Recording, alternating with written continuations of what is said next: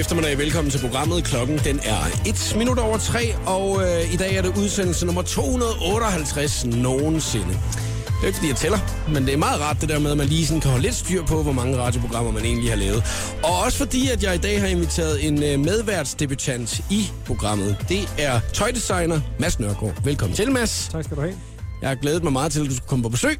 Og lige måde, det er en fornøjelse at være her. Og været en lille smule spændt også, du ved, ikke? Ja, jeg se, hvad det er, vi to vi skal få ud af det her radioprogram i dag, hvad det er, vi skal snakke om. Øh, Mads, øh, det virker til, at nu har jeg jo lige nu har jeg lært dig at kende, fordi at, øh, vi, har, vi har snakket sammen i 10 minutter. Mm. Øh, og derfor så er jeg lige, sådan, lige kommet lidt tættere på, hvad det er øh, for en, men øh, hver eneste dag, så bliver radioprogrammet åbnet med det, vi kalder en Hvad vil du helst? Og det er øh, sådan en, hvor du skal vælge mellem to ting, og det er ikke noget, jeg har lavet, det er noget, øh, redaktionen altid laver. En, der hedder Christina. Og jeg øh, børster lige min skulder af, for jeg har ikke noget med den at gøre. Ja, jeg er klar. Jeg lytter. Ja, men du skal vælge en af hvor det er dybt åndssvagt og sådan noget, ikke? Men så Ja, kan, vi, er så, så kan vi er snakke om alle de Yep. resten af Ja. dem. Ja, jeg kan se, du er klar. Åh, oh, jeg hader det lidt, ikke? Nej, nej, er kom med det, kom med Okay, det er godt. Hvad vil du helst det næste år, Mads Nørgaard? Få malet samtlige af dine tænder i leopardmønster og aldrig forlade dit hjem med mindre du er iført din neonpink læderfrakke. Eller starte alle samtaler med at råbe, jeg hedder Mads, og jeg elsker kagecreme. Sige, så kommer man i gang Altså, med jeg er ret vild med kagecreme, skal jeg så lige sige. Jeg er ret vild med kager i det hele taget, så det, vil, det logiske vil, vil være den, men jeg synes, det andet lyder lidt sjovere. Ja, det lyder lidt sjovt. Nej, det lyder lidt sjovere. Det med det neon pink og det der på tænderne og sådan. Det lyder, det lyder sjovt. Jeg tror, jeg tager den, jeg tager den første. Det er jeg glad for. Velkommen til, Mads. Sådan får man åbnet et radioprogram her. Showet på The Voice på Danmarks hitstation med Jakob Morup. Og vi skal selvfølgelig også snakke om nogle andre ting, Mads og jeg, lige om et øjeblik. Og det er jeg rigtig glad for. Men tak til Christina Lose. Her der er Carly Rae Jepsen på The Voice. I really wanna stop,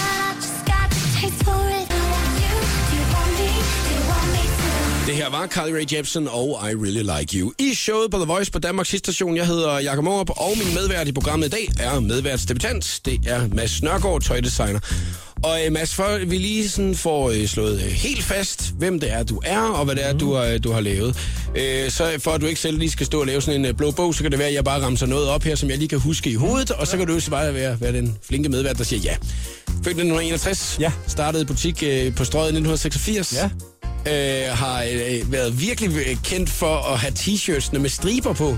Ja, også. Ja, Ja, også. også Det er ja, nej, jeg har en svaghed. Nej, det er helt rigtigt. Jeg har Ja. en svaghed for striber. Ja, striber, det har der været rigtig Ja, meget af. rigtig meget Øh, og øh, den her, den har jeg lige fået at vide af dig, at øh, du sælger ud til næsten 500 butikker i verden. Mm, ja, ja. Og du har en hovedbutik, og den ligger på strøget ja. Ja. i København. Ja. Ja. Mads Nørgaard, Copenhagen. Lige præcis. Og som er flere butikker, som er Nørgaard på strøget, Mads Nørgaard, Pige, Herre, Børn, nø, nø, nø, nø. men det, det, det er på strøget Amager Torv, der hvor det har ligget hele tiden. Og vi skal snakke lidt omkring det her med at, øh, at starte sådan en, øh, en tøjvirksomhed øh, tilbage i selvfølgelig 1986, hvor det var lidt en anden tid, mm og, øh, sådan nogle forskellige ting til selvfølgelig så også at have sådan en øh, butik i dag, Også kunne designe tøj i dag, hvordan er sådan noget der udvikle sig. Det skal vi snakke om øh, her til eftermiddag, fordi det, sy- det synes jeg lyder meget interessant. Udover det skal vi så også snakke om øh, kring en af de allerstørste virksomheder i, øh, i verden, og, øh, og så skal vi snakke om øh, tendenser inden for tøjkøb. Og det er fordi, at jeg har jo fundet en, øh, en undersøgelse i dag, som, øh, som viser, at øh, kvinder ofte måske lyver, når det er, at de køber tøj. Øh, Lyver om hvad? Ja, de lyver øh, om prisen på tøjet, fordi de simpelthen... Øh, Lyver den op, eller lyver den ned? Jamen, de lyver den simpelthen ned, og det havde jeg ikke regnet med. Nej. Altså, det, nogle gange, så vil jeg jo øh, tænke, ej, det, det kan slet ikke hænge sammen, det der. Altså, at, øh, at du, har du kun brugt 100 kroner på den der? Ja, så har hun brugt 300 kroner på den, ikke? Ja, lige præcis. Jeg ved ikke rigtig, hvem det er, de lyver for, faktisk. Jeg tror, de lyver både over for deres partner, og så lyver de over for sig selv. Ja, det tror jeg Det faktisk jeg også. tro. Altså, fordi det er lidt for at gøre skaden lidt mindre, eller man er lidt flov over, at man måske ikke gjorde det, selvom man ikke har brug for det. Mm. Så jeg tror, det er derfor. Jeg synes, vi skal komme lidt nærmere ind på det, inden at øh, klokken bliver fire. Men lige om lidt, så skal vi snakke lidt omkring det her med den gang, hvor det var, at du startede med Snørgaard-butikkerne. Kygo og Parson James med Stole the Show i showet på The Voice på Danmarks station. Jeg er Jacob Morup. Medvært i programmet er tøjdesigner Mads Nørgaard her til eftermiddag. Og øh, siden 1986, der har du ligget på strøget, Mads, i, øh, i København. Øh, det var jo så ja, en butik, som du faktisk overtog, hvis jeg forstår rigtigt, ikke? Øh, Jo, jeg, jeg har ligget to-tre forskellige steder, men det er lige rundt omkring hinanden på Amager Torv. Først på Café Europa, lige så tager jeg der, hvor Nørgaard på strøget nu også ligger. Ikke? Så det, og så har jeg slået det hele sammen her for to-tre år siden, så er det blevet et stort. men dit brand, det startede tilbage i 1986. Det gjorde det. Og hvad, var- hvad var din mission dengang? Var det bare at sige, jeg skal lave øh, tøj, som alle kan lide, eller jeg skal lave det fedeste tøj, som jeg bedst kan lide, eller hvad, hvad var din Det mission var med mere at det lave sidste, tøj? men jeg vil sige, da jeg startede i 1986, der lavede jeg kun herretøj. Og det, som jeg kunne se dengang, det var, at der var en ny mandetype, hvor, den, hvor klassisk det lyder, øh, på vej frem. Og jeg vil gerne lave noget til dem, som var mellem, hvad deres laver i dag, og hvad de meget klassiske Biver Christensen, Brøden Andersen hed dengang. Altså midt imellem dem, der går, går i habit hele tiden, og slips og så videre, og dem, der kun går i jeans. Og det var så ved det, jeg stadigvæk laver. Altså et eller andet midt imellem der, som måske er lidt mere elegant, lidt mere sejt, og ikke så jeanset, ikke så habitet. Altså ikke, for, ikke dem, der skal have en habit på, fordi de arbejder i en bank eller et andet. Men noget, som rammer midt imellem der. Og det er det, jeg for så vidt prøver at lave stadigvæk, så man kan have det bedste med fra jeansene og det bedste med fra habitterne og mødes inden på midten. Okay, men når man så får sådan en idé om, at det er det, det, man gerne vil lave, hvordan får man så fra tanke ned til, at nu skal det laves? Nu, nu. nu er det også en anden tid dengang, 1986, da du startede, kan man sige. Det er jo næsten det samme i dag. Når det er, du får en idé til at skulle lave noget, så skal du på en eller anden måde få forklaret, eller fortalt, eller lavet Ja, den her idé. Var du bare vildt god i syning i øh, skolen? Eller? Nej, jeg, jeg, jeg, jeg kan godt sy dog lidt, men jeg kan ikke tegne for eksempel. Okay. Sådan, så når jeg, når jeg som chefdesigner arbejder med, min, med mine designer, så taler jeg meget. Ikke? Jeg, ta- jeg taler og peger og fortæller om, hvad vi har lavet før, eller henviser til, hvad vi har lavet før, viser billeder og sådan noget. Men jeg kan ikke skitse, jeg kan ikke tegne og sådan så, så det er ikke det. Men jeg ved ret præcis, hvad jeg gerne vil have. Mm. Det kan jeg godt forklare. Og dengang jeg startede i 1986, dengang var der logoer på alt tøj. Altså kæmpe store Lacoste og alt muligt andet logoer. Jeg ville gerne have noget tøj, som ikke havde logoer. Og det kunne jeg ikke få nogen steder, så var jeg ligesom nødt til at lave det selv. Og så var der heldigvis andre så viste jeg det i min butik. Og så kom der heldigvis andre butikker rundt omkring fra i starten på Danmark og sagde, prøv at høre, vi vil også gerne have tøj uden logoer. Det kan vi ikke finde nogen steder, du laver det, hvor vi kan lov at købe nogle af dig. Så købte den ene fire, så købte han seks, så var der en, der købte 12, og så var der nogen, der købte... Og så Men du havde ikke sådan et, øh, behov for at vise, at det var, det var dig, der, var, der lavede det her. Det var dit brand, det her. Du havde mere behovet for at bare lave noget, noget tøj, som du synes var fedt, eller... Ja, jeg havde i virkeligheden behov for at lave noget tøj, som jeg selv havde lyst til at gå i. Mm. Og jeg går ikke med store logoer selv, og jeg går ikke med tøj, hvor der står mit tøj ude, eller mit navn uden på tøjet. Så det, det er jo relativt diskret, det jeg laver, og relativt... Eller, eller den måde, jeg gerne vil have det med det på, er, at den, der har det på, føler sig støttet af det, og ikke føler sig overdøvet af det. Og dermed bliver det en lille smule diskret og underspillet, men det bliver forhåbentlig også meget kedeligt. Men hvis nu at man så har den der idé til, at jeg vil virkelig gerne lave den her slags t-shirts her, men ligesom dig måske ikke er den bedste til at sy, men mm. øh, heller ikke den bedste til at tegne, så skal man vel på en eller anden måde lære sig selv at kunne øh, inspirere andre til, hvordan at ens tankegang er, og være rigtig god til at forklare sig selv. Ja, helt sikkert. Og gerne en lille smule stedig også, ikke? Det hjælper også på det. Men det er klart, altså det jeg laver kan kun opstå, hvis vi er nogle stykker, der arbejder sammen, hvor jeg kan det, jeg kan. Nogle andre er bedre til at tegne, nogle er gode til at sy, nogle kan finde en producent osv. Så den, den samhørighed er det, som, det, der giver produktet. Ikke? Så hvis man ikke kan tegne eller, eller ikke kan sy, så skal man jo finde nogen at være sammen med, som kan tegne eller sy. Mm. Men det skal stadig være dig, der skal være god til at forklare, hvad du gerne vil have. jo. Yes, hvis det er mig, der har tænkt mig at skrive mit navn i nakken og navnet på vinduet osv., så skal jeg være den, der er bedst til at forklare det. Ikke? Har du så på et eller andet tidspunkt prøvet at lave et, øh, et stykke tøj, hvor du så kommer afsted med det, og, og du så tænkte, fy for helvede, eller den, den, den skulle jeg sgu ikke have gået med den der. Det, det var, det, det er sgu grim. Hold kæft for en grim.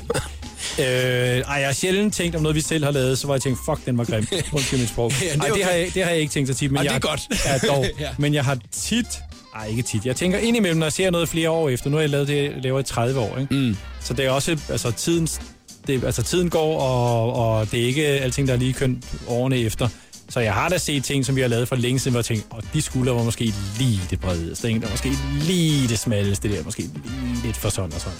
Det er mere den tanke. Igen, fordi det tøj, jeg laver, er ikke flamboyant. Mm. Det er jo relativt diskret, så, så vi går ikke til yderligheder på den måde. Har du aldrig haft en idé om, at du skulle lave en, altså bare for øh, lige at øh, og, lige lægge alt dit, dine idéer til siden, sådan, og øh, alt det, som du har været, alt det, du har stået for, og så bare lave det vildeste shit i en sæson, hvor det er, at det bare går fuldstændig out of, Jo. hvad du ellers normalt er, og så tænker nu skal jeg til Paris, og så skal det være på... Så skal det have en over hatten og så Ja. videre. Jo, det tænker man det indimellem, men, men ikke så tit, altså. Det synes jeg ikke. Altså, fordi når, hvis den tanke kommer, når jeg så vågner næste morgen, så tænker jeg, "Ej, hvor det, vi dropper det, vi bliver, vi bliver sgu her." Ja, det er banankostymet, du ved, Ja, et eller andet... Det, øh, det, det bliver ikke den her omgang. et eller andet vanvittigt. Nå, men vi skal selvfølgelig her i løbet af eftermiddagen øh, snakke lidt mere omkring det her med, når det er, man skal ud og shoppe tøj, og også hvad for nogle tanker, man måske har, når man går ud og shopper tøj, prismæssigt og så videre. Mads Nørgaard er medvært i uh, programmet. Klokken den er blevet 15.23. Nu er der god musik i radioen, så der er Nick Jonas og Jealous. Det her er showet på The Voice.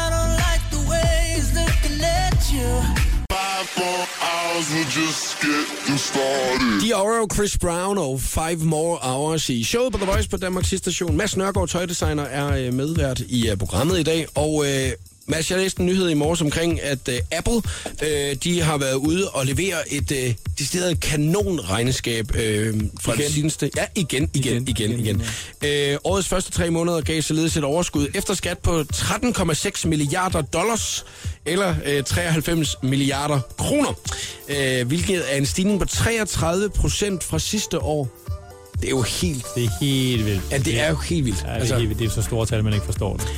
Øh, og de siger så også, at resu- resultatet er det bedste nogensinde for virksomheden. Mm. Øh, og øh, USA er fortsat det vigtigste marked for øh, Apple, men det er fordi Kina nu er rykket op på andenpladsen. Og der har problemet jo tidligere været, at der har været en masse fake-produkter og alle mulige ting, så derfor har de jo ikke tjent nogen øh, penge på det. Der er kommet et Apple Watch blandt andet. Jeg tænker lidt, om man kan blive inspireret af andre brancher og virksomheder nu, når det er, at du har jo også lavet en koncern, hvis man kan sige det lidt sådan. Nå, men det er du vel. Du, du Ja, ja. sælger til 500 butikker, Jo, jo, jo, altså med Mads Nørgaard, ikke? Øhm, så, så derfor så, øh, så, så må man jo også ud og kigge i andre slags virksomheder end kun modebranchen for at blive inspireret. Ja. Og jeg kigger rigtig meget på andre brancher og alle mulige andre ting og sager. Altså, jeg synes, bildesign er enormt interessant og spændende, og hele udviklingen af Tesla og elmotorer og nej, alle mulige andre ting er interessant. Sådan Og noget bæredygtighed på en eller anden måde? Ja, eller? det også, ja, hvordan gør man bæredygtighed sexet? Det er vel mm. det, som Tesla kan, ikke? Den er Jo. bæredygtig, men den er med smart, ikke? Mm. Og fantastisk. Jo. Og, og, og, Ja, hvis man har et sted, man kan lade den op. Sådan. Hvis man har et sted, man kan lade den op, og det koster så 6 kroner, ikke? Ja, det er præcis. Ja. Altså, min bil koster hvad, 5-600 kroner at, at, at, at, fylde op, ikke? Det, der Jo. koster 6 kroner for en opladning, ikke? ja. Det er sgu interessant. Ja, det er meget jeg. interessant. Og den kobling er, at det både er bæredygtigt, men det er sexet. Altså, det, er, det, er, det kan vi godt lære noget af i, modebranchen, hvor det tit bliver, hvis det bliver bæredygtigt, så er det ret kedeligt. Ikke? Jo. Det er den, vi bakser med i modebranchen. Men du spørger, om jeg kan, om- med hensyn til det med Apple. Jeg synes, Apple har altid været inspirerende, fordi de, de er gode til at forenkle ting. Ja. Gør det enormt nemt. Og det er, altså, når, i gamle dage, når man skulle købe den, den første iPhone, jeg købte, der kommer jeg ind i butikken og sagde, skal du have en stor eller en lille? Det skal være den størrelse, skal den være sort eller hvid, det skal være sort. Bum, så var det det, ikke? Værsgo, 2500 kroner eller et eller andet, ikke? Jo. Altså, hvor vi i min branche, skal den være stribet, skal den være rød, skal den være grøn, skal den være størrelse, op og ned af stolper. Ja. Det der, det var virkelig, det var to... Passer den, passer den ikke, den her? Ja. Alt det der, Ja. Det var virkelig en reduktion af variable, som var enormt inspirerende, synes jeg. Og, og det er jo en helt anden branche, end hvad det er, du er i. Altså, går, går det meget stærkere i sådan en branche som Apple-branchen, end i en branche som din, altså i fashion-branchen? Altså, øh, fordi jeg synes... Altså, vi- jeg tror, vi er alt andet lige hurtigere end dem, fordi altså, hvis vi to vil lave en tøjdesign-linje fra i morgen, så kan vi gå ned og købe en rulle stof, mm. klippe den op i aften, sy nogle t-shirts ud af den og gå ud og sælge det i morgen. Ja, det er ikke, altså, jeg tror ikke, Ej, at hvis det- jeg var med ind over, den ville være så pæn, øh, hvis det var mig, der skulle sy den. Vil jeg lige... ah! så kan du ud og sælge den, så sidder jeg og syr. Ja, det er Nej, jo- men det, altså, på den måde er modebranchen nok en af de hurtigste brancher, der findes, ja. fordi det er så fra, det, fra den ene dag til den anden. Ikke? Musikbranchen kan lidt det samme. Mm. Kunstbranchen, maleri og sådan noget kan også nogenlunde det samme. Og det kan det jo ikke hos Apple. Det tager lige lidt længere tid at udvikle de der, De der hardware altså-. Er der lige nogen, der skal finde ud af, hvordan den der der teknik noget der... produktion osv. osv., osv. Hvis at øh, man øh, går ud som øh, kvinde og øh, køber tøj, øh, og nu øh, generaliserer jeg lidt, men det er fordi, jeg i Metro Express i dag har læst en øh, artikel omkring, øh, at øh, man åbenbart som kvinde godt kan lide at lyve lidt, øh, når det er, at man er ude og købe tøj. Øh, så øh, skal man øh, lytte med lige om et øjeblik, fordi at, øh, den her undersøgelse her, den er jeg meget overrasket over, at det er den vej, at der egentlig bliver løjet. Øh, og hvad det hele det går ud på, det skal vi selvfølgelig nok komme nærmere ind på, hvis der du bliver her. Der er 60 sekunder med stjernerne på vej til dig lige om lidt. Også. The Voice giver dig 60 sekunder med stjernerne. Præsenteres af den nye Samsung Galaxy S6 Edge. Design med kant. I lørdags crashede Justin Bieber en high school fest sammen med et lille hold af model- og musikervenner. Bieber fik aldrig selv muligheden for at opleve et såkaldt senior prom, så han besluttede sig for at prøve det af, da Chatsworth High School i Kalifornien i weekenden holdt deres. Justin Bieber tweetede søndag, Always wanted to go to prom. Thanks for having me. Det er ikke alle lande, der er lige begejstret for at få Snoop Dogg på besøg. Rapperen er blevet bandlyst for Norge i to år, efter at han er blevet snuppet med 8 gram cannabis på vej ind i landet. Selv er han overbevist om, at det samme ville være sket for ham i England, hvis det ikke havde været for dronningen. De prøvede at smide mig ud, men så kom hun med en kommentar om, at hendes børnebørn var vilde med Snoop Dogg, og jeg ikke havde brudt loven i Storbritannien. Så derfor gav hun mig lov til at blive, forklarer Snoop til avisen The Guardian. Yes and Yes spillede for et udsolgt pumpehuset i går, og Gaffas anmelder var selvfølgelig til stede. Gruppen, der består af Olli, Mikey og Emre, var super oplagte og også lidt overrasket over de vilde danske fans, der skreg på et ekstra nummer. Koncerten får 4 ud af 6 stjerner af Gaffa, og hvis du selv har lyst til at opleve gruppen, så skal du altså et smut på festival. Yes and Yes er nemlig booket til Northside. Her var det 60 sekunder med stjernerne. Jeg hedder Christine Lose.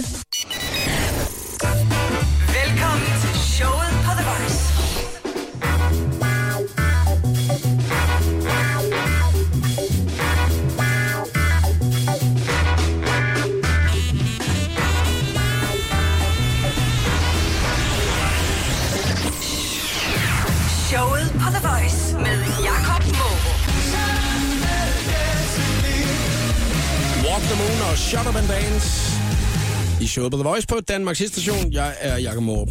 Jeg har øh, læst en øh, undersøgelse i dag, som øh, Danmarks... Øh, en af Danmarks største modbazarer, Trendsales, har fået lavet, og den øh, har Metro så skrevet om i, i dag. Over halvdelen af de kvinder, som der er blevet spurgt i den her undersøgelse, de har løjet om prisen på deres tøjindkøb. Og øh, nu er det så heldigt, at øh, tøjdesigner Mads Nørgaard, han er medvært i programmet i dag, så derfor så det, synes jeg, det var en oplagt snak, det her, Mads. Øh, er det noget, at du kender til det her? Har du hørt om det her før, at kvinder de decideret lyver om deres tøjindkøb? Altså, at de lyver om prisen på det. De lyver den ned. De lyver den åbenbart ned. De siger, at den er lavere, end den i virkeligheden var. De har spurgt nogle øh, kvinder her, for eksempel en øh, pige, der Louise, hun er 22 år. Øh, hun har købt nogle støvler, de kostede 2400 kroner, men hun har sagt til alle sine venner, at de kostede 900 kroner i stedet for. Og øh, så har de spurgt en pige, der hedder Ellis, øh, og hun har købt en bluse, der koster 1000 kroner, og så sagde hun, at den kostede 800 kroner i stedet for. Så de lyver dem lige lidt ned, øh, priserne. Inde i mit hoved, der tænker jeg, at de faktisk måske skulle lyve den den anden vej, i stedet for at sige, at jeg har købt den her lidt meget billige taske til 50 kroner, men den kostede 800 kroner. Ja, Altså, hvis man lyver om noget, så er det fordi, man er flov over det. Ja. I udgangspunktet, ikke? Er det ikke, er det ikke sådan, Det tror jeg. eller noget, man gerne vil, vil dække over? Jo. Og hvis det er fordi, man er flov over, at man synes, prisen er for høj, så er det fordi, det åbenbart ikke er velset blandt veninderne, vennerne, kæresten, hvad det måtte være, at man har brugt så mange penge på det. Eller man er bange for, at han, hun vil sige, prøv at høre, så kunne vi da hellere have taget sådan og sådan eller et andet. Jeg har ikke hørt om det, men det, men, og det overrasker mig, fordi jeg troede i virkeligheden, at det er en del af, af tingene i modebranchen i dag var netop med de der meget dyre tasker, Prada, Gucci og sådan noget, at det netop var enormt dyr. Så, man- så det er et statussymbol, så man kan vise, hvor, hvor godt det går, ikke? og hvor, hvor, hvor rig man er, hvor mange penge man har, man har brændt af på det her. Der er en øh, fyr, der hedder Kenneth Reinicke, som der er forsker i køn ved Roskilde Universitet. Han siger, at kvinder er socialiseret og opdraget til at gøre noget af, ud af deres ydre. Og derfor så kan kvinder, kvinder jo så forelske sig i tøj og være fuldstændig ligeglade med, hvad det koster. Først bagefter, der tænker de, shit, Ja. det er, åh oh nej, jeg har faktisk brugt faktisk flere penge, end Flere jeg penge, end jeg skulle. Ja, lige præcis. Fordi de er opdraget til, at de må gerne bruge både tid og penge på det. Mm-hmm. Øhm, det er givetvis en meget god forklaring på det. Og så går det op for dem bagefter. Fuck, det var måske, undskyld mit sprog. Ja, det er okay. Ups, det var måske lige lidt mere, end jeg havde sat af i budgettet, eller vi havde aftalt, at jeg skulle bruge på det her. Måske det er det. Har vi mænd ikke haft det på samme måde, tænker jeg? Altså, eller er det omvendt? At øh, vi, øh, hvis vi køber en, nu det, hvis, en mobiltelefon for eksempel, måske i stedet for, så siger ej, vi, øh, nu, øh, jeg tog bare den lille, fordi at, øh, den anden, og så ja, den kostede jeg 28 vil tro, det er sikkert de samme mekanismer. Det gælder jo sikkert nogle andre, nogle andre områder af, af, af, af, hvad man køber. Ikke? Altså, nogen køber teknik, nogen køber tøj, nogen køber det ene og det andet. Så det er nok det er fra gemyt til gemyt. Jeg tror, det er det samme. Man lyver den lidt ned, fordi man har måske ikke aftalt det med den, man bor sammen med, er ven med, er kæreste med, at vi vil bruge så mange penge på det. Og vi skal ud og rejse, vi skal ud og spise i weekenden, vi skal sådan og sådan og sådan, og det, der røg budgettet til, eller der tog du lige en lidt større bid, end vi havde aftalt. Det overrasker mig ret meget, det her. Ja. Øh, Mads, når det er, du er det, designer tøj, øh, er det så anderledes at skulle... Selvfølgelig er det lidt anderledes øh, den anden form og sådan noget, med at skulle designe tøj til kvinder, end nu startede du med, med, med mandetøj, men var du sådan nervøs dengang, hvor du var, du sådan skulle starte med at designe kvindetøj også? Øh, om jeg var nervøs for det? Nej, jeg, jeg, altså, jeg synes, det er helt vildt sjovt. Det er meget forskelligt, for det er meget forskellige forbrugsmønstre, man ser i, i, den, i den vestlige verden i dag. Altså den måde, drenge og piger opdraget til at forbruge på, at bruge tøj på og gøre noget ud af sig selv, er meget forskellige. Jeg tror, for så vidt, det, hvis, hvis vi var på en øde ø og startede der, så ville det være ret ens. Men den måde, man gør det på i den vestlige verden i dag, er det meget forskelligt. Og for mænd er det måske lidt mere fornuftigt. Man vil gerne have, det er gået den her i lang tid, nu dur den ikke mere, jeg vil gerne have en til fuldstændig den samme tak, samme farve, samme det ene og det det, andet. det kender jeg godt. Så den vil jeg gerne have en til af, hvor for piger er det noget andet. Det er, hvad, når den er fantastisk, gud, det anede jeg ikke havde brug for, men jeg vil have lige præcis den der. Mm. Så på den måde er det, er det meget forskelligt, den måde det, det, det udmyndter sig på. Der er også langt flere pigebutikker, end der er herrebutikker. Ja, For mig, der er, altså, der er tøj jo først brugt, altså når det er brugt, ikke? Altså når, det er, der, når der er huller, når der næsten er lige huller i, ikke? Og det er også tit det, jeg synes, jeg er små, tøj er smukkest. Altså hvis tøj er ordentligt lavet, mm. det er lige før den falder fra hinanden, at ens bomulds t-shirt er aller, aller, aller bedst, ikke? Jo, og, øh, og ja, det kan jeg jo se på min, øh, min kæreste for eksempel, ikke? Altså hun, øh, hun kan jo godt gå i en trøje øh, to gange, så er den brugt. Ja, ja, altså, så, så præcis. skal den sælges videre, Ja, ja, ja. eller så skal der en veninde, der skal låne den, eller, eller andet, så er det okay, så øh, skal vi skal vi det er også fordi, tømme hele tøjstativet Ja. derhjemme og købe noget nyt? Altså, Yes. Og det er jo også det, som... Altså, tøj er i meget høj grad underholdning. Altså, der er meget få af os i Danmark i dag, der køber tøj, fordi vi har brug for nyt tøj. Hvis hele tøj, tøjbranchen lukkede i morgen, ingen tøjbutikker overhovedet, så ville langt de fleste af os have tøj nok til de næste 5, 6, 10 år. Et eller andet, inklusive sko. Ikke? Ja, det tror jeg. inklusive hele baduljen. Så det er ikke derfor, vi køber tøj. Heller ikke os, os mænd og os drenge. Det er det jo ikke. Det er jo fordi, der er et eller andet, vi godt kunne tænke. Den ser sgu meget fed. Den den er sgu ret fed, den der. Den der, har du brug for den? Ja, åh, det har jeg jo, men det er jo ikke brug. Altså, der er nogle andre måder at definere behov for brug for sådan noget.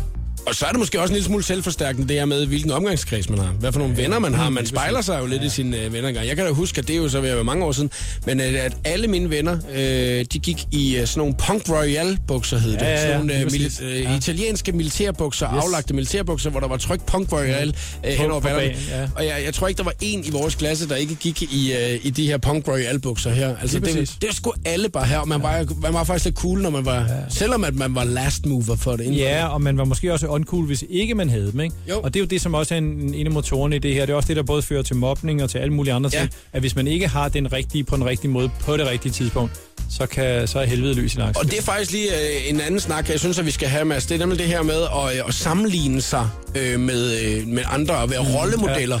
Øh, og den øh, tager vi lige om et øjeblik, når det er, at øh, vi har spillet Taylor Swift og Blank Space. Klokken den er 9 minutter i 4 i showet på The Voice. And I'll write your name. Taylor Swift og Blank Space i showet på The Voice. Og tøjdesigner Mads Nørgaard er min medvært i uh, programmet her i dag. Jeg hedder Jakob Morp. Og uh, vi skal snakke lige kort omkring uh, rollemodeller inden for uh, tøjbranchen og sådan noget. Og Mads, det er jo fordi, at vi, nu snakker vi omkring, at uh, det nogle gange er mere socialt acceptabelt, at i ens vennekreds, mm. at man uh, går i måske det samme slags tøj, eller i hvert fald noget, hvor man er enige om, det her, det er cool, eller det her, det er, øh, det er din stil, det er dig, der har den her. Øh, og, og mange øh, mennesker, inklusive mig selv, vi kan jo godt blive inspireret, når vi kigger på vores venner, eller når hvis der man kigger i et blad eller en forside og ser en ja. model. Og der har jo været simpelthen så meget snak om det her med størrelsen på ja. modeller. Tænker du over det, når du laver tøj for eksempel? Øh, også med de mannequiner og sådan nogle forskellige ting. Altså, det er noget, vi tænker, jeg bruger, det er noget, vi tænker meget over i mit firma. Jeg tænker meget over det, og bruger meget tid på det. Fordi jeg vil gerne have et firma, og jeg vil gerne lave nogle kollektioner, som henvender sig til mange forskellige slags mennesker. Ja. Jeg synes ikke, at det skal være sådan, at man er rigtig, hvis man ser ud på den måde, man er forkert, hvis man ser ud på den måde. Og jeg synes, at vi i modebranchen kommer nogle gange til at have nogle meget firkantede skønhedsidealer, hvor det der det er rigtigt, og det der det er forkert. Og sådan synes jeg ikke, det er.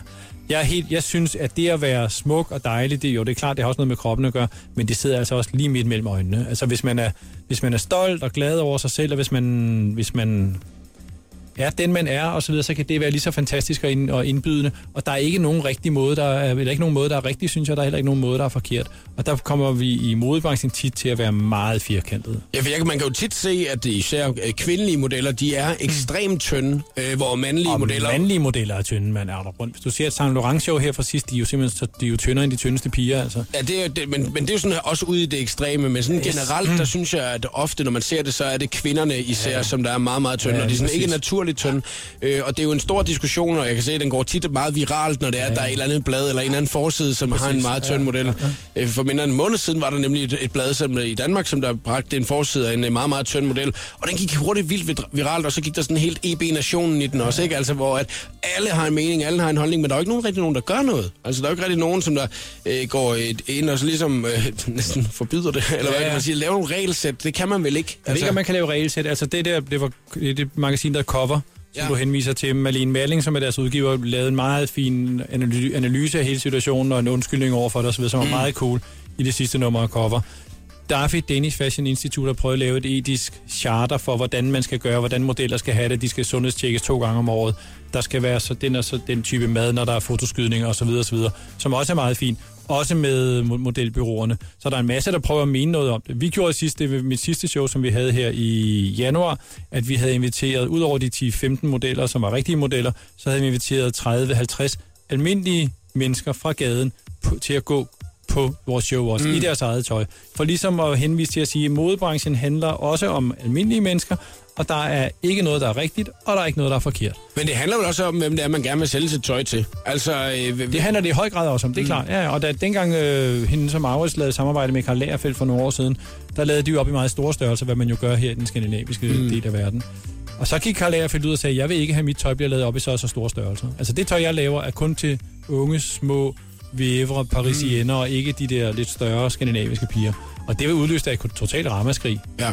Men altså, din opfordring, det er jo altså, at man jo altså måske ikke så øh, identificerer sig med personen, men ident- identificerer sig mere med det tøj, at kvinden har på. Ja, det synes jeg, og derfor gør vi også det i, i, i vores butikker, at vi er meget opmærksom på, at vi har mange forskellige størrelser. Vi er helt ned fra en størrelse 34 til en størrelse 42 franske størrelser. Ikke? Altså Jo. helt ned fra en ekstra small til en ekstra large i pigestørrelser, ligesom vi i herretøjet har op til ekstra ekstra large. Altså, alle er velkomne, og, det, og, og der er ikke en, altså de der løftede pegefinger om med, at man skal være på en ene måde eller på en anden måde, det er jeg ikke så vild med.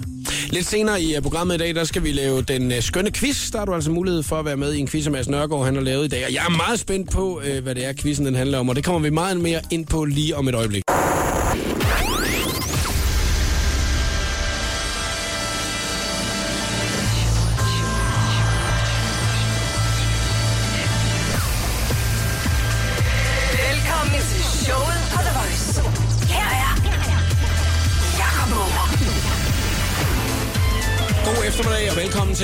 5 minutter over 4 er klokken jo lige stået på, så kan jeg fortælle dig, det er udsendelse nummer 258 nogensinde. Ja, Mads Nørgaard, det er sgu ikke et jubilæumsprogram, at jeg har inviteret dig ind i. Det er det først om to dage. 268 er ikke så rundt. Nej, men øh, jeg har jubilæum en gang om ugen jo. Hver femte program, det, det er, er et jubilæumsprogram. Det skal fejres, det men jeg fejrer alligevel, at du er her, fordi du er medværsdebutant. Og lige om lidt, så skal vi også lave den skønne quiz, øh, hvor at du jo har valgt, hvad det er, at vi skal øh, quizze om og quizze i. Er den nem? Er den svær? Hvor er vi henne i quizzen i dag? Tænk lidt altså, over det, kan det godt er spørgsmål, som jeg selv kunne svare på. Jeg har ikke slået noget op her, så på, på den måde, hvis man kender til det her emne, så er den ikke så helvede svær. Men, Men emnet ligger lidt tilbage, så den er, den er den historisk svær på den måde. Omvendt er det nogle ret karakteristiske personligheder, den, der, skal, der skal nævnes i den, så på den måde er den heller ikke så svær. Oha, jeg glæder mig rigtig meget til, hvad det er, den handler om. Og øh, jeg kan fortælle med det samme med den skønne quiz, og det gode er jo, at man må snyde lige så meget, som man har lyst til. Og det startede jo simpelthen ved, at jeg har lavet så mange radioquizzer, øh, mens jeg lavede morgenradio, hvor jeg kunne høre folk, de begyndte at sidde og google, og jeg blev så irriteret over det, fordi at, så er det ikke sjovt at lave quiz, hvis man kan høre folk sidde og google. Nu skulle jeg så selv være med. Øh, derfor må man google. Ja, derfor må man google. Derfor Så, man så må man snyde til man vil. Det er lige om et øjeblik, vi går i gang. 70 20 104 9 kan du godt allerede nu taste ind på din telefon. Men det er altså først lige om et øjeblik, at vi åbner op for sluserne. Og hvis det er, du har lyst til at se, hvad det er, at øh, Mads Nørgaard han har taget med af præmie i dag, så er hashtagget showet på The Voice på Instagram, så kan du smutte ind og se præmien derinde med det samme. Og nu Pitbull, Neo klar, Time of Our Life. Showet på The Voice på Danmarks hitstation med Jakob Morup.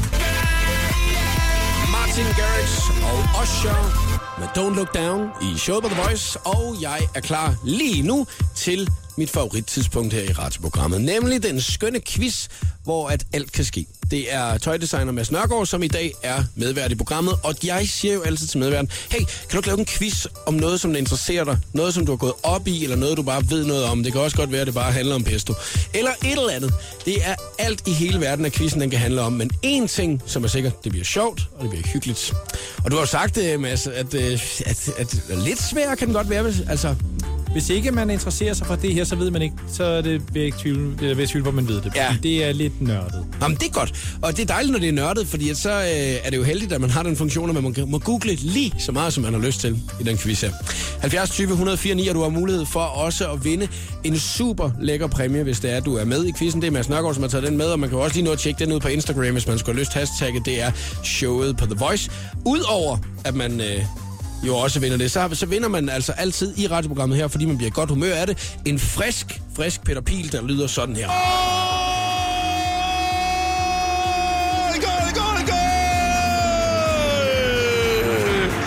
Ja, øh, fodboldkommentator fra Sexeren Peter Pil, som kommenterer en bundkamp i La Liga. Og lige vil peppe den lidt op, så tager han lige den. 70 20 104 9. Ring til os lige nu og vær med i quizzen og kæmpe imod mig. Der er fem spørgsmål, og øh, den af os, der først får tre rigtige, har altså vundet quizzen. Og øh, som sagt, du må få lige så meget hjælp, som du har lyst til. Du kan spørge dem, der sidder i bilen sammen med dig, eller hvis du sidder derhjemme sammen med nogen. Du kan også løbe ind i et storcenter og spørge dem. 70 20 104 9. Ring til os lige nu. Showet Voice præsenterer nu den skønne quiz om Nå, her Mads Nørgaard, lad os høre, hvad det er, den quiz, den handler om i dag. Den handler om punkmusik. Punkmusik, wow! Den handler om tidlig dansk punk og en lille smule med nogle udkig til senere udenlandsk punk. De, de største og første punkstjerner. Det er det, det handler om. Nå, Camilla, hvad siger du til den? Det lyder okay. Det lyder Godt, okay. Godt, Camilla. Keep it up. Punkmusik, du. Altså, øh, jeg vil jo sige, at det, det, det, jeg kan ikke sådan bare lige sådan på stående fod lige nævne en, så det gode er jo, at man må øh, snyde lige så meget, som man har lyst til i den quiz her, ikke? Hvem er det, du har til at hjælpe dig her til eftermiddag? Øh, jeg har min storebror og min veninde. Din storebror og din veninde. Øh, jeg skal lige bede jer om, at I har lige slukket radioen i bilen, fordi at, øh, ellers så giver det sådan noget mærkeligt genlyd. Og øh, når vi så er klar med quizzen lige om et øjeblik, så må de jo gerne hjælpe dig. Ved de noget om punkmusik, tror du? Det tror jeg ikke. så er det godt, så er det godt, der må googles, ikke? Men, Ja. øh, men uanset hvad, Camilla, så kan man blive en lille smule klogere. Hvad er det, I skal i dag? Vi skal til Cody Simpson-koncert. Cody Simpson, og han spiller i øh, Aarhus i dag. Ja. Er det første koncert med ham? Ja. Okay, og øh, har du bare været fan af ham i mange år, eller, eller er det sådan noget nyt noget for dig? Det er sådan, jeg hørte en sang for et par år siden, og så, ja, så så jeg, han kom til Danmark, så tænkte jeg, at jeg vil gerne til hans koncert. Det kan jeg godt forstå. Og skal du helt op Ja. foran at stå? Det regner jeg med. Oha, så skal, oha, det kan også være, at du skulle have været tidligt ude så. Altså hvis det er, at man skal kæmpe sig igennem det hele op foran at stå, ikke? Ja. Mm. Nå, men det er godt, at du har øh, Kasper og Maria øh, til at hjælpe dig, Camilla. Og øh, ja. så synes jeg næsten bare, at vi skal sætte øh, gang i øh, quizzen. Tøjdesigner Mads Nørgaard har lavet en øh, quiz om punk, og øh, Mads, jeg går næsten ud fra det, fordi at det er noget af det, du har hørt i dine unge dage. Det var det her er meget vigtige ting for mig, da jeg var yngre, og det er meget vigtige ting i mit designvirke, og det er meget vigtigt i firmaet, for det er nogle ting, vi har brugt og trækker på, både inspiratorisk, musikmæssigt osv. Designet og sådan Design, noget. hele, ja. det er jo hele vejen rundt. Nå, men øh, lad os øh, prøve at komme i gang. Jeg er sgu meget spændt på, hvordan det her det ender ud hen. Lad os først spørgsmål nummer et. Mit firma lavede, det her er det første spørgsmål. Er du klar, Camilla? Ja. Godt. Mit firma lavede i 2008 en af de første modefilm i Danmark, i stedet for at holde show.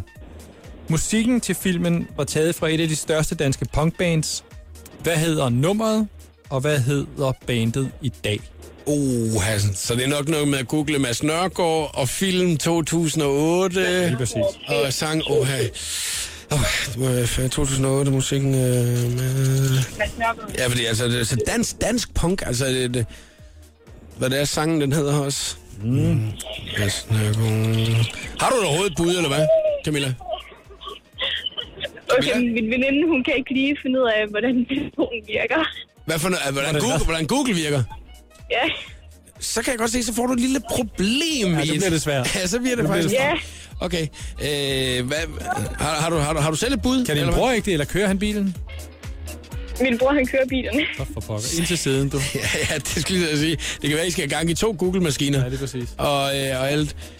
Øh, var det meget karakteristisk med, altså, I brugte i den her, øh, altså, I brugte musik? Der var, det var meget karakteristisk, karakteristisk, vi brugte det musik. Det var meget karakteristisk, det som nummeret hedder, fordi mit firma hedder også det, som nummeret hedder. Okay.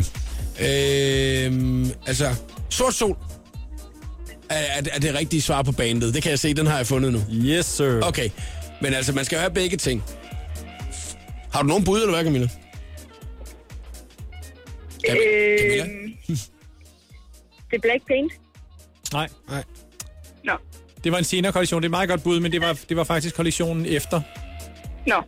øh. Painted Black. Men det var, det var en kollektion efter. Nej, filmen, den, Øh. det nummer, vi brugte til filmen, er et andet. Et andet, øh, et andet Sort Sol-nummer. Et andet sort sol-nummer. Mm, mm, mm, mm, Autumn. bare- Hvad sagde du? Autumn. Auto, nej. Nej. Tror jeg der. Jeg skal lige se Du her. tænker på mit firma, mm. og, og det er der, hvor vi, hvor vi laver tøj, som vi sælger Jeg har den, Mads. Du behøver yes. ikke stå og sige Copenhagen. Lige præcis. Yes! Lige præcis. Ja, lige præcis. Jeg googlede den mig, mig frem til den her, Camilla, kan jeg lige så godt sige, så derfor det, det er jo, altså Maria, du skal slå oven i hovedet med det Ja, lige lige nu, ikke? præcis. Altså, altså, altså, har du tabt helt modet, eller hvad sker der? Nej, nej. Jeg sidder bare med min telefon i begge hænder. Ja, okay. Du skal nøjes med en. Multi, multi, for- Fokuser på den ene. multitask. Okay, nå, men så tager vi næste spørgsmål. 1-0 til Jakob Morup, og så står der 0 til Camilla. Det er lige meget. Det er lige meget, mand. Vi tager bare det næste. 1-0. Vi kører næste, næste spørgsmål. spørgsmål lyder sådan her. Ja. Hvad hedder forsangeren, som er en af mine venner, som har gået flere af mine shows, og som ofte er DJ'en, når vi holder fest og reception inde i vores butik. Blandt andet på torsdag igen. Hvad, hvad, hvad forsangeren hedder? Hvad hedder forsangeren i I, bandet? I Sort Sol. I Sort Sol. Det hedder Forfænger Stor Sol til. Øh, øh, øh, øh, øh, det er jo det ikke. Altså, Sort Sol er jo gammelt band, jo. Så øh, det er jo ikke lige noget, at vi lige sådan spiller mere... Øh. Det var ham, som var, han var også... Øh, han var dommer i det der... Sten Øh, Jørgensen. Lige præcis. Camilla! Den fik du. Lige præcis. Lige præcis. Okay, så står der i lidt. Videre til næste ja. spørgsmål. Meget langt spørgsmål. Nu skal du der var et andet, et andet stort punkband dengang hed Cliché. Kliché. Cliché. Forsangeren i Cliché var Lars Huck, Ja. som stadigvæk er popstjerne og, og kører derud af. Ja. Han skrev langt de fleste af teksterne til bandets sange. Men på deres debutalbum, som hedder Supertanker, der var der to sange, som han ikke havde skrevet teksterne til, for det var en, de var taget fra en anden mand. Hvem var det? Åh, oh, det er også et svært spørgsmål. Men det er godt, fordi man bliver klogere af det i dag jo. Så øh, fra albumet Supertanker, de to sange, at...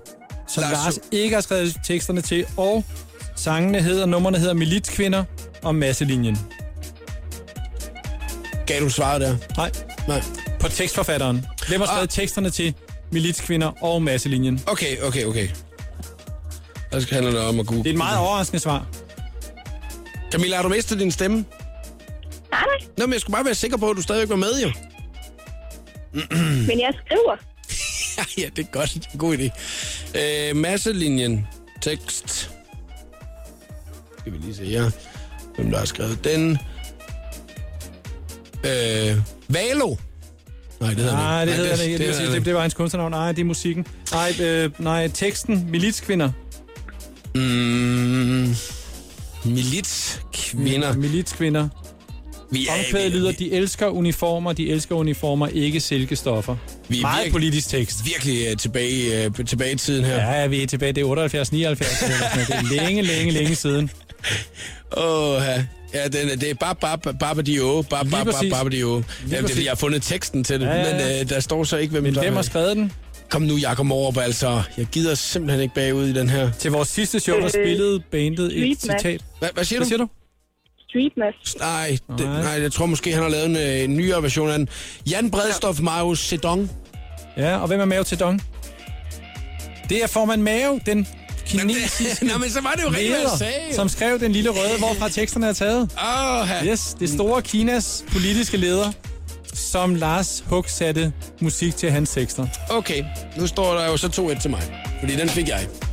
Og øh, lige, det er lige meget. Det er lige, lige meget, meget, lige præcis. Det er lige meget. Køb bare en ny. Ja, ja, køb bare en ny. Prøv ny. Nu øh, spiller vi lige en sang, og når vi er tilbage lige om et øjeblik, så finder vi ud af, om øh, jeg vinder quizzen i dag med det afgørende spørgsmål, eller Camilla, hun går hele vejen. Oh, I know why you're chasing all the headlights. Don't go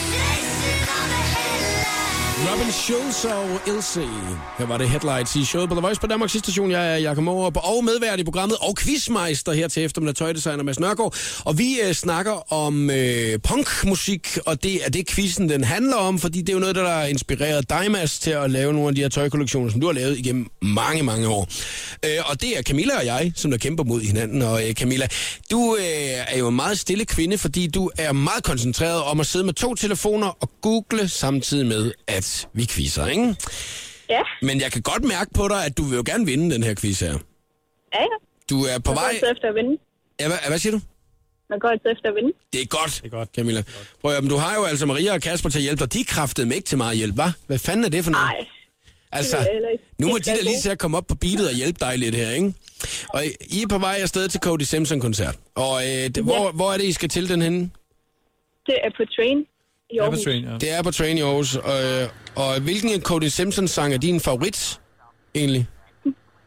Det er Pretty Brown Eyes. Pretty Brown Eyes. Øh, ved du hvad, den spiller vi lidt af lige om et øjeblik, men øh, inden at vi gør det, så øh, er der jo en anden, øh, en anden meget fedt nummer. Det er det der surfboard, kender du det? Ja. Come on, let the ocean take us away till we see the daylight come. Vi kan aftale, hvis, jeg, hvis at, øh, nu at øh, du, du går all in i den quiz her, så, så spiller jeg noget mere Cody Simpson for dig lige om lidt. Det er en aftale. Det er godt. Okay, nu må vi så se, hvordan det kommer til at gå. Nær Mads Nørgaard. Øh, vi har jo også en lille præmie, man har mulighed for at vinde, mm. udover Cody Simpson-sangen her. Øh, og hvad er det, du har taget med? Jeg har taget en single med, som er det musik, vi lavede til det show, jeg, jeg fortalte om, eller til den film, jeg fortalte om før. Det udgav vi sidenhen på, på single The Copenhagen Experience Recording nummer 1. Og det er Sten, der synger sammen med Marie Fisker. Det er Thomas Barfod, der har produceret, og Anders Trandemøller, der har mixet den. Det er en raritet, den er aldrig udkommet. Den er kun givet væk, og den, bliver så, den er så si- ovenikøbet signeret af Sten og mig til den lykkelige vinder af denne her quiz. Og det er en meget eksklusiv præmie, den der, som man faktisk ikke kan få fat i nogen Den andre kan ikke steder. købes, den kan kun fås. Det er en meget fin præmie. Og øh, lad os øh, se, hvordan det kommer til at ende. Der står 2-1 til mig. Hvis jeg svarer rigtigt på det næste spørgsmål, har jeg vundet. Og hvis det er Camilla, hun svarer rigtigt på det næste to, så har hun vundet. Lad os få det næste spørgsmål. Mads Nørgaard. Vi skal til udlandet. Det Ja. er sådan her. Hvilken nulevende engelsk designer kan prale af at været med til at både style og lave konceptet for det måske største punkband nogensinde, nemlig Sex Pistols? Okay, hvilken, Hvilken designer? nulevende engelsk designer har været med til at finde på og klæde på Sex Pistols, som måske er det største punkband nogensinde? Okay, så det er en engelsk designer, vi er ude efter, som altså er... De var et par. Den ene er død, den anden lever stadig. Hvad hedder mm. den af dem, der stadig lever? Og, og den er stadigvæk aktiv også. Stadig aktiv, stadig sit eget fantastiske mærke. Kendt okay. For noget med tern. Okay, noget, noget, nu, nu skyder jeg bare noget. Burberry. Nej. Nej, okay, nej, der, der var der var en noget. vildere tern. Okay. En ikke så, så stilfærdig tern som Burberry's. Okay. Det er tit med noget gult og noget rødt og noget sort. Vivienne Westwood. Lige præcis. Er det rigtigt? Yes. Ja! Camilla, så gik den sgu ikke mere, du. Det er også svært at multitask. Hvad siger du? Det er også svært at multitask. Ja, men øh, det, det, er lige, det er lige kår for alle, du ved, ikke? Der kommer altså ikke øh, meget mere, øh, meget mere Cody Simpson til dig, og øh, du må nyde koncerten i aften. Skal det. Og øh, kan du have en rigtig, rigtig god koncert? Tak. Godt. Hej du. Hej.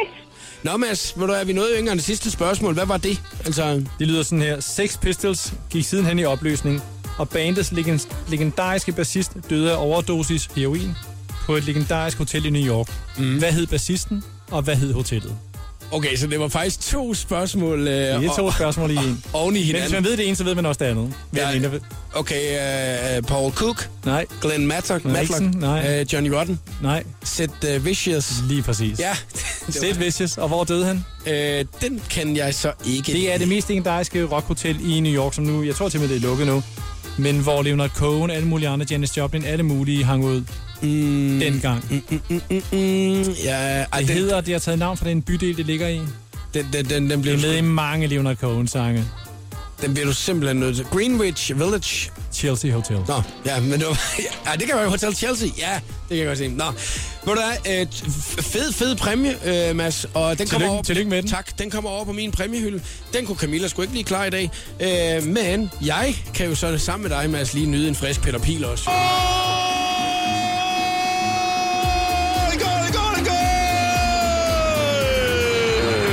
bliver man nemlig i rigtig godt humør. Lige om et øjeblik, så er der 60 sekunder med stjernerne. The Voice giver dig 60 sekunder med stjernerne. Præsenteres af den nye Samsung Galaxy S6 Edge. Design med kan. Britiske Years and Years spillede for et udsolgt pumpehuset i går, men før koncerten var jeg så heldig at få dem på besøg her i 60 sekunder med stjernerne. Jeg spurgte dem blandt andet, hvad de savnede mest, når de har sådan et travlt liv på landevejen. Uh, well, me and Mikey, well, Mikey was talking about this the other day. How we, you, there's no because you're on the road so much, or you're away from home, you never get a routine. So Yeah. just sort of like simple stuff like It's weird. You miss like going home and cooking. yeah, making dinner. Seriously? Yeah. Yeah, like I know sleeping, it in, sounds weird, doesn't it? sleeping in your own bed, Yeah. stuff like that. I mange år tog Victoria og børnene rundt på alverdens fodboldstadions for at hæppe på farmand David Beckham. Her i weekenden, der var rollerne dog byttet om, da 12-årige Romeo løb London Mini Marathon for at samle penge ind til et godt formål. Hele Beckham-familien var samlet for at hæppe, selvfølgelig i matchende bluser med påskriften Team Romeo. I går der udkom Kato og Mads Langer med deres fælles single Now.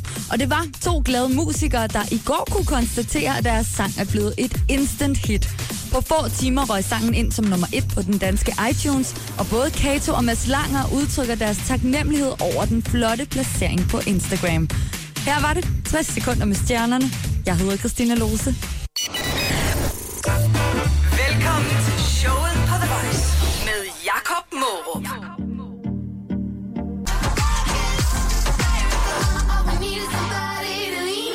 Major Lazer Mø og DJ Snake med lige oven i showet på The Voice på Danmarks station. 13 minutter i 5, og god eftermiddag. Jeg håber, du har det dejligt. Min medvært i programmet i dag er Mads Nørgaard, og vi blev en lille smule klogere for et øjeblik siden, hvor vi havde gang i den skønne quiz om dansk punk. Tidlig dansk øh, punk. Jeg, jeg tror, der er mange, der er blevet øh, lidt øh, klogere i dag, Mads. Og øh, nu skal vi faktisk se, om vi kan blive en lille smule klogere på det her med, øh, jeg ved godt, det er en svær, øh, et svært spørgsmål, jeg stiller det nu, tendenser inden for modverdenen lige nu. Nu er du jo selv tøjdesigner, så selvfølgelig så, så følger du med i, øh, hvad det er, at alle andre gør, hvad det er, at du, hvad du selv skal gøre, og sådan nogle forskellige ting. Men er der et eller andet, der sådan trænger igennem i øjeblikket, eller er det bare all over the place? Jeg synes, det er rigtig mange forskellige ting samtidigt. Og den samme pige-dreng kan gå i helt stramme jeans den ene dag, bukser med svej den anden dag, et eller andet baggy halvøj den næste dag, og noget mere sporty, men en ribkant for neden den sidste. Altså, det er virkelig alle tangenter, alle, alle hylder, det hele på én gang, synes jeg. Gør det det svært for dig? Og det gør det selvfølgelig sværere, men det gør det også sjovere, fordi der er ikke så meget rigtigt og forkert. Altså, det er, det er meget til, hvad man har lyst til, og, og hvordan, hvordan man gør det. Men overordnet set, så bliver tøjet vel mere og mere afslappet. Der er færre og færre, som har lyst til at gå, skal gå i habit, for eksempel, hvis det var mænd, eller sådan en eller anden lille specielt dragt på arbejde.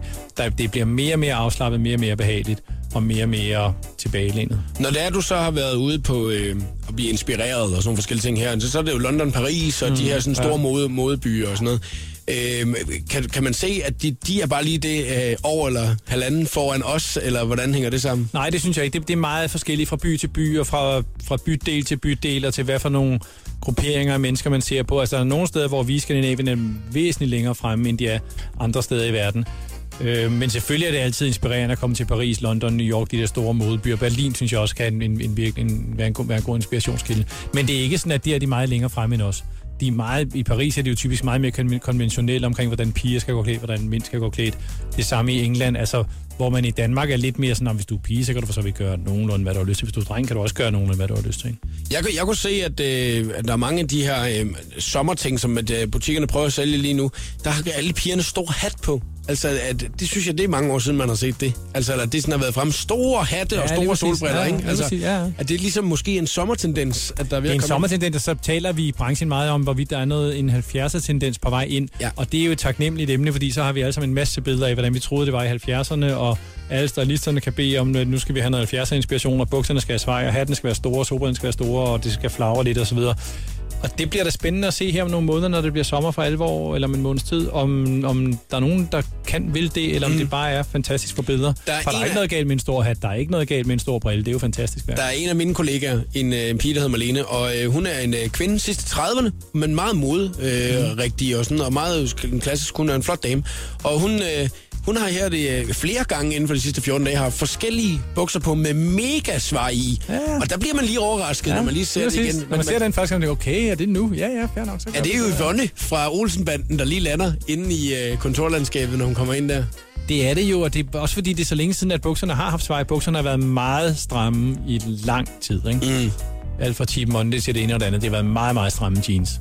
Og så pludselig bliver det meget større, ikke? Og det er både med svej, men det er også kæmpe store kassebukser. Det er jo alle mulige størrelser bukser, der lige pludselig er, er i spil. Så det er faktisk rigtig svært at sige, hvad tendensen er, men altså, jeg tror, du har ret i den der lidt 70'er-stil. Det kan faktisk være, at man skal prøve at gå ind i sine forældres øh, soveværelse og kigge, om de stadigvæk har nogle kasser med tøj liggende. Måske, men det er heller ikke sikkert, hvis der kom en, som var klædt, som det var i 70'erne på gaden i dag, at det ville være smart. Fordi til man siger, at det er lidt for tilrøget eller outdated eller et eller andet. Ikke? Jo. Måske skal være en lille en nyfortolkning af det på en eller anden måde. Ikke? En lys, brun denim vest. Det vil ellers være... Prøv du det, så glæder jeg mig til at komme og se rigtig, det. rigtig flot. Casey og Don Stefano, dumme penge, spiller her i showet på The Voice klokken. Den er 8 minutter i 5 på Danmarks station. God eftermiddag. Jeg er god til at bruge penge Havde jeg et træ, der kunne bruge dem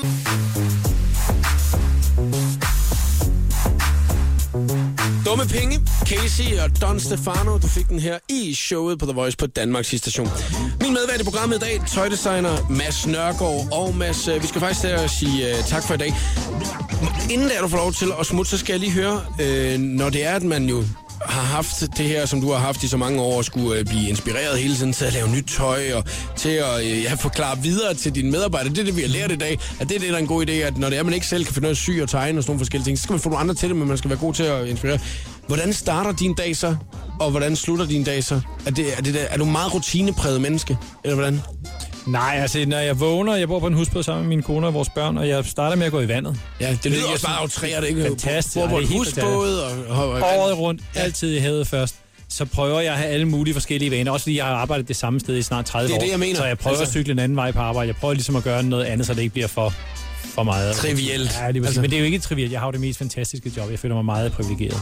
Fordi det er det er- super sjovt. Det er jo derfor, at jeg ligesom vil, vil høre dig om det der med, hvordan, hvordan fan efter så mange år, man kan blive ved med at finde energien og inspiration ja.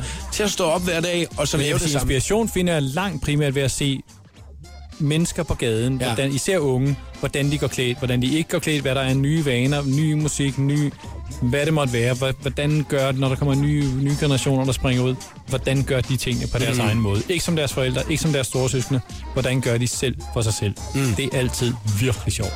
Og med den så lukker vi. Tak for i dag, Mads Nørgaard. Det Tak fordi hyggeligt. måtte være med. Det var hyggeligt. Showet på The Voice med Jakob Morup. Hele den lækre podcast kan du aflytte på radioplay.dk slash The Voice.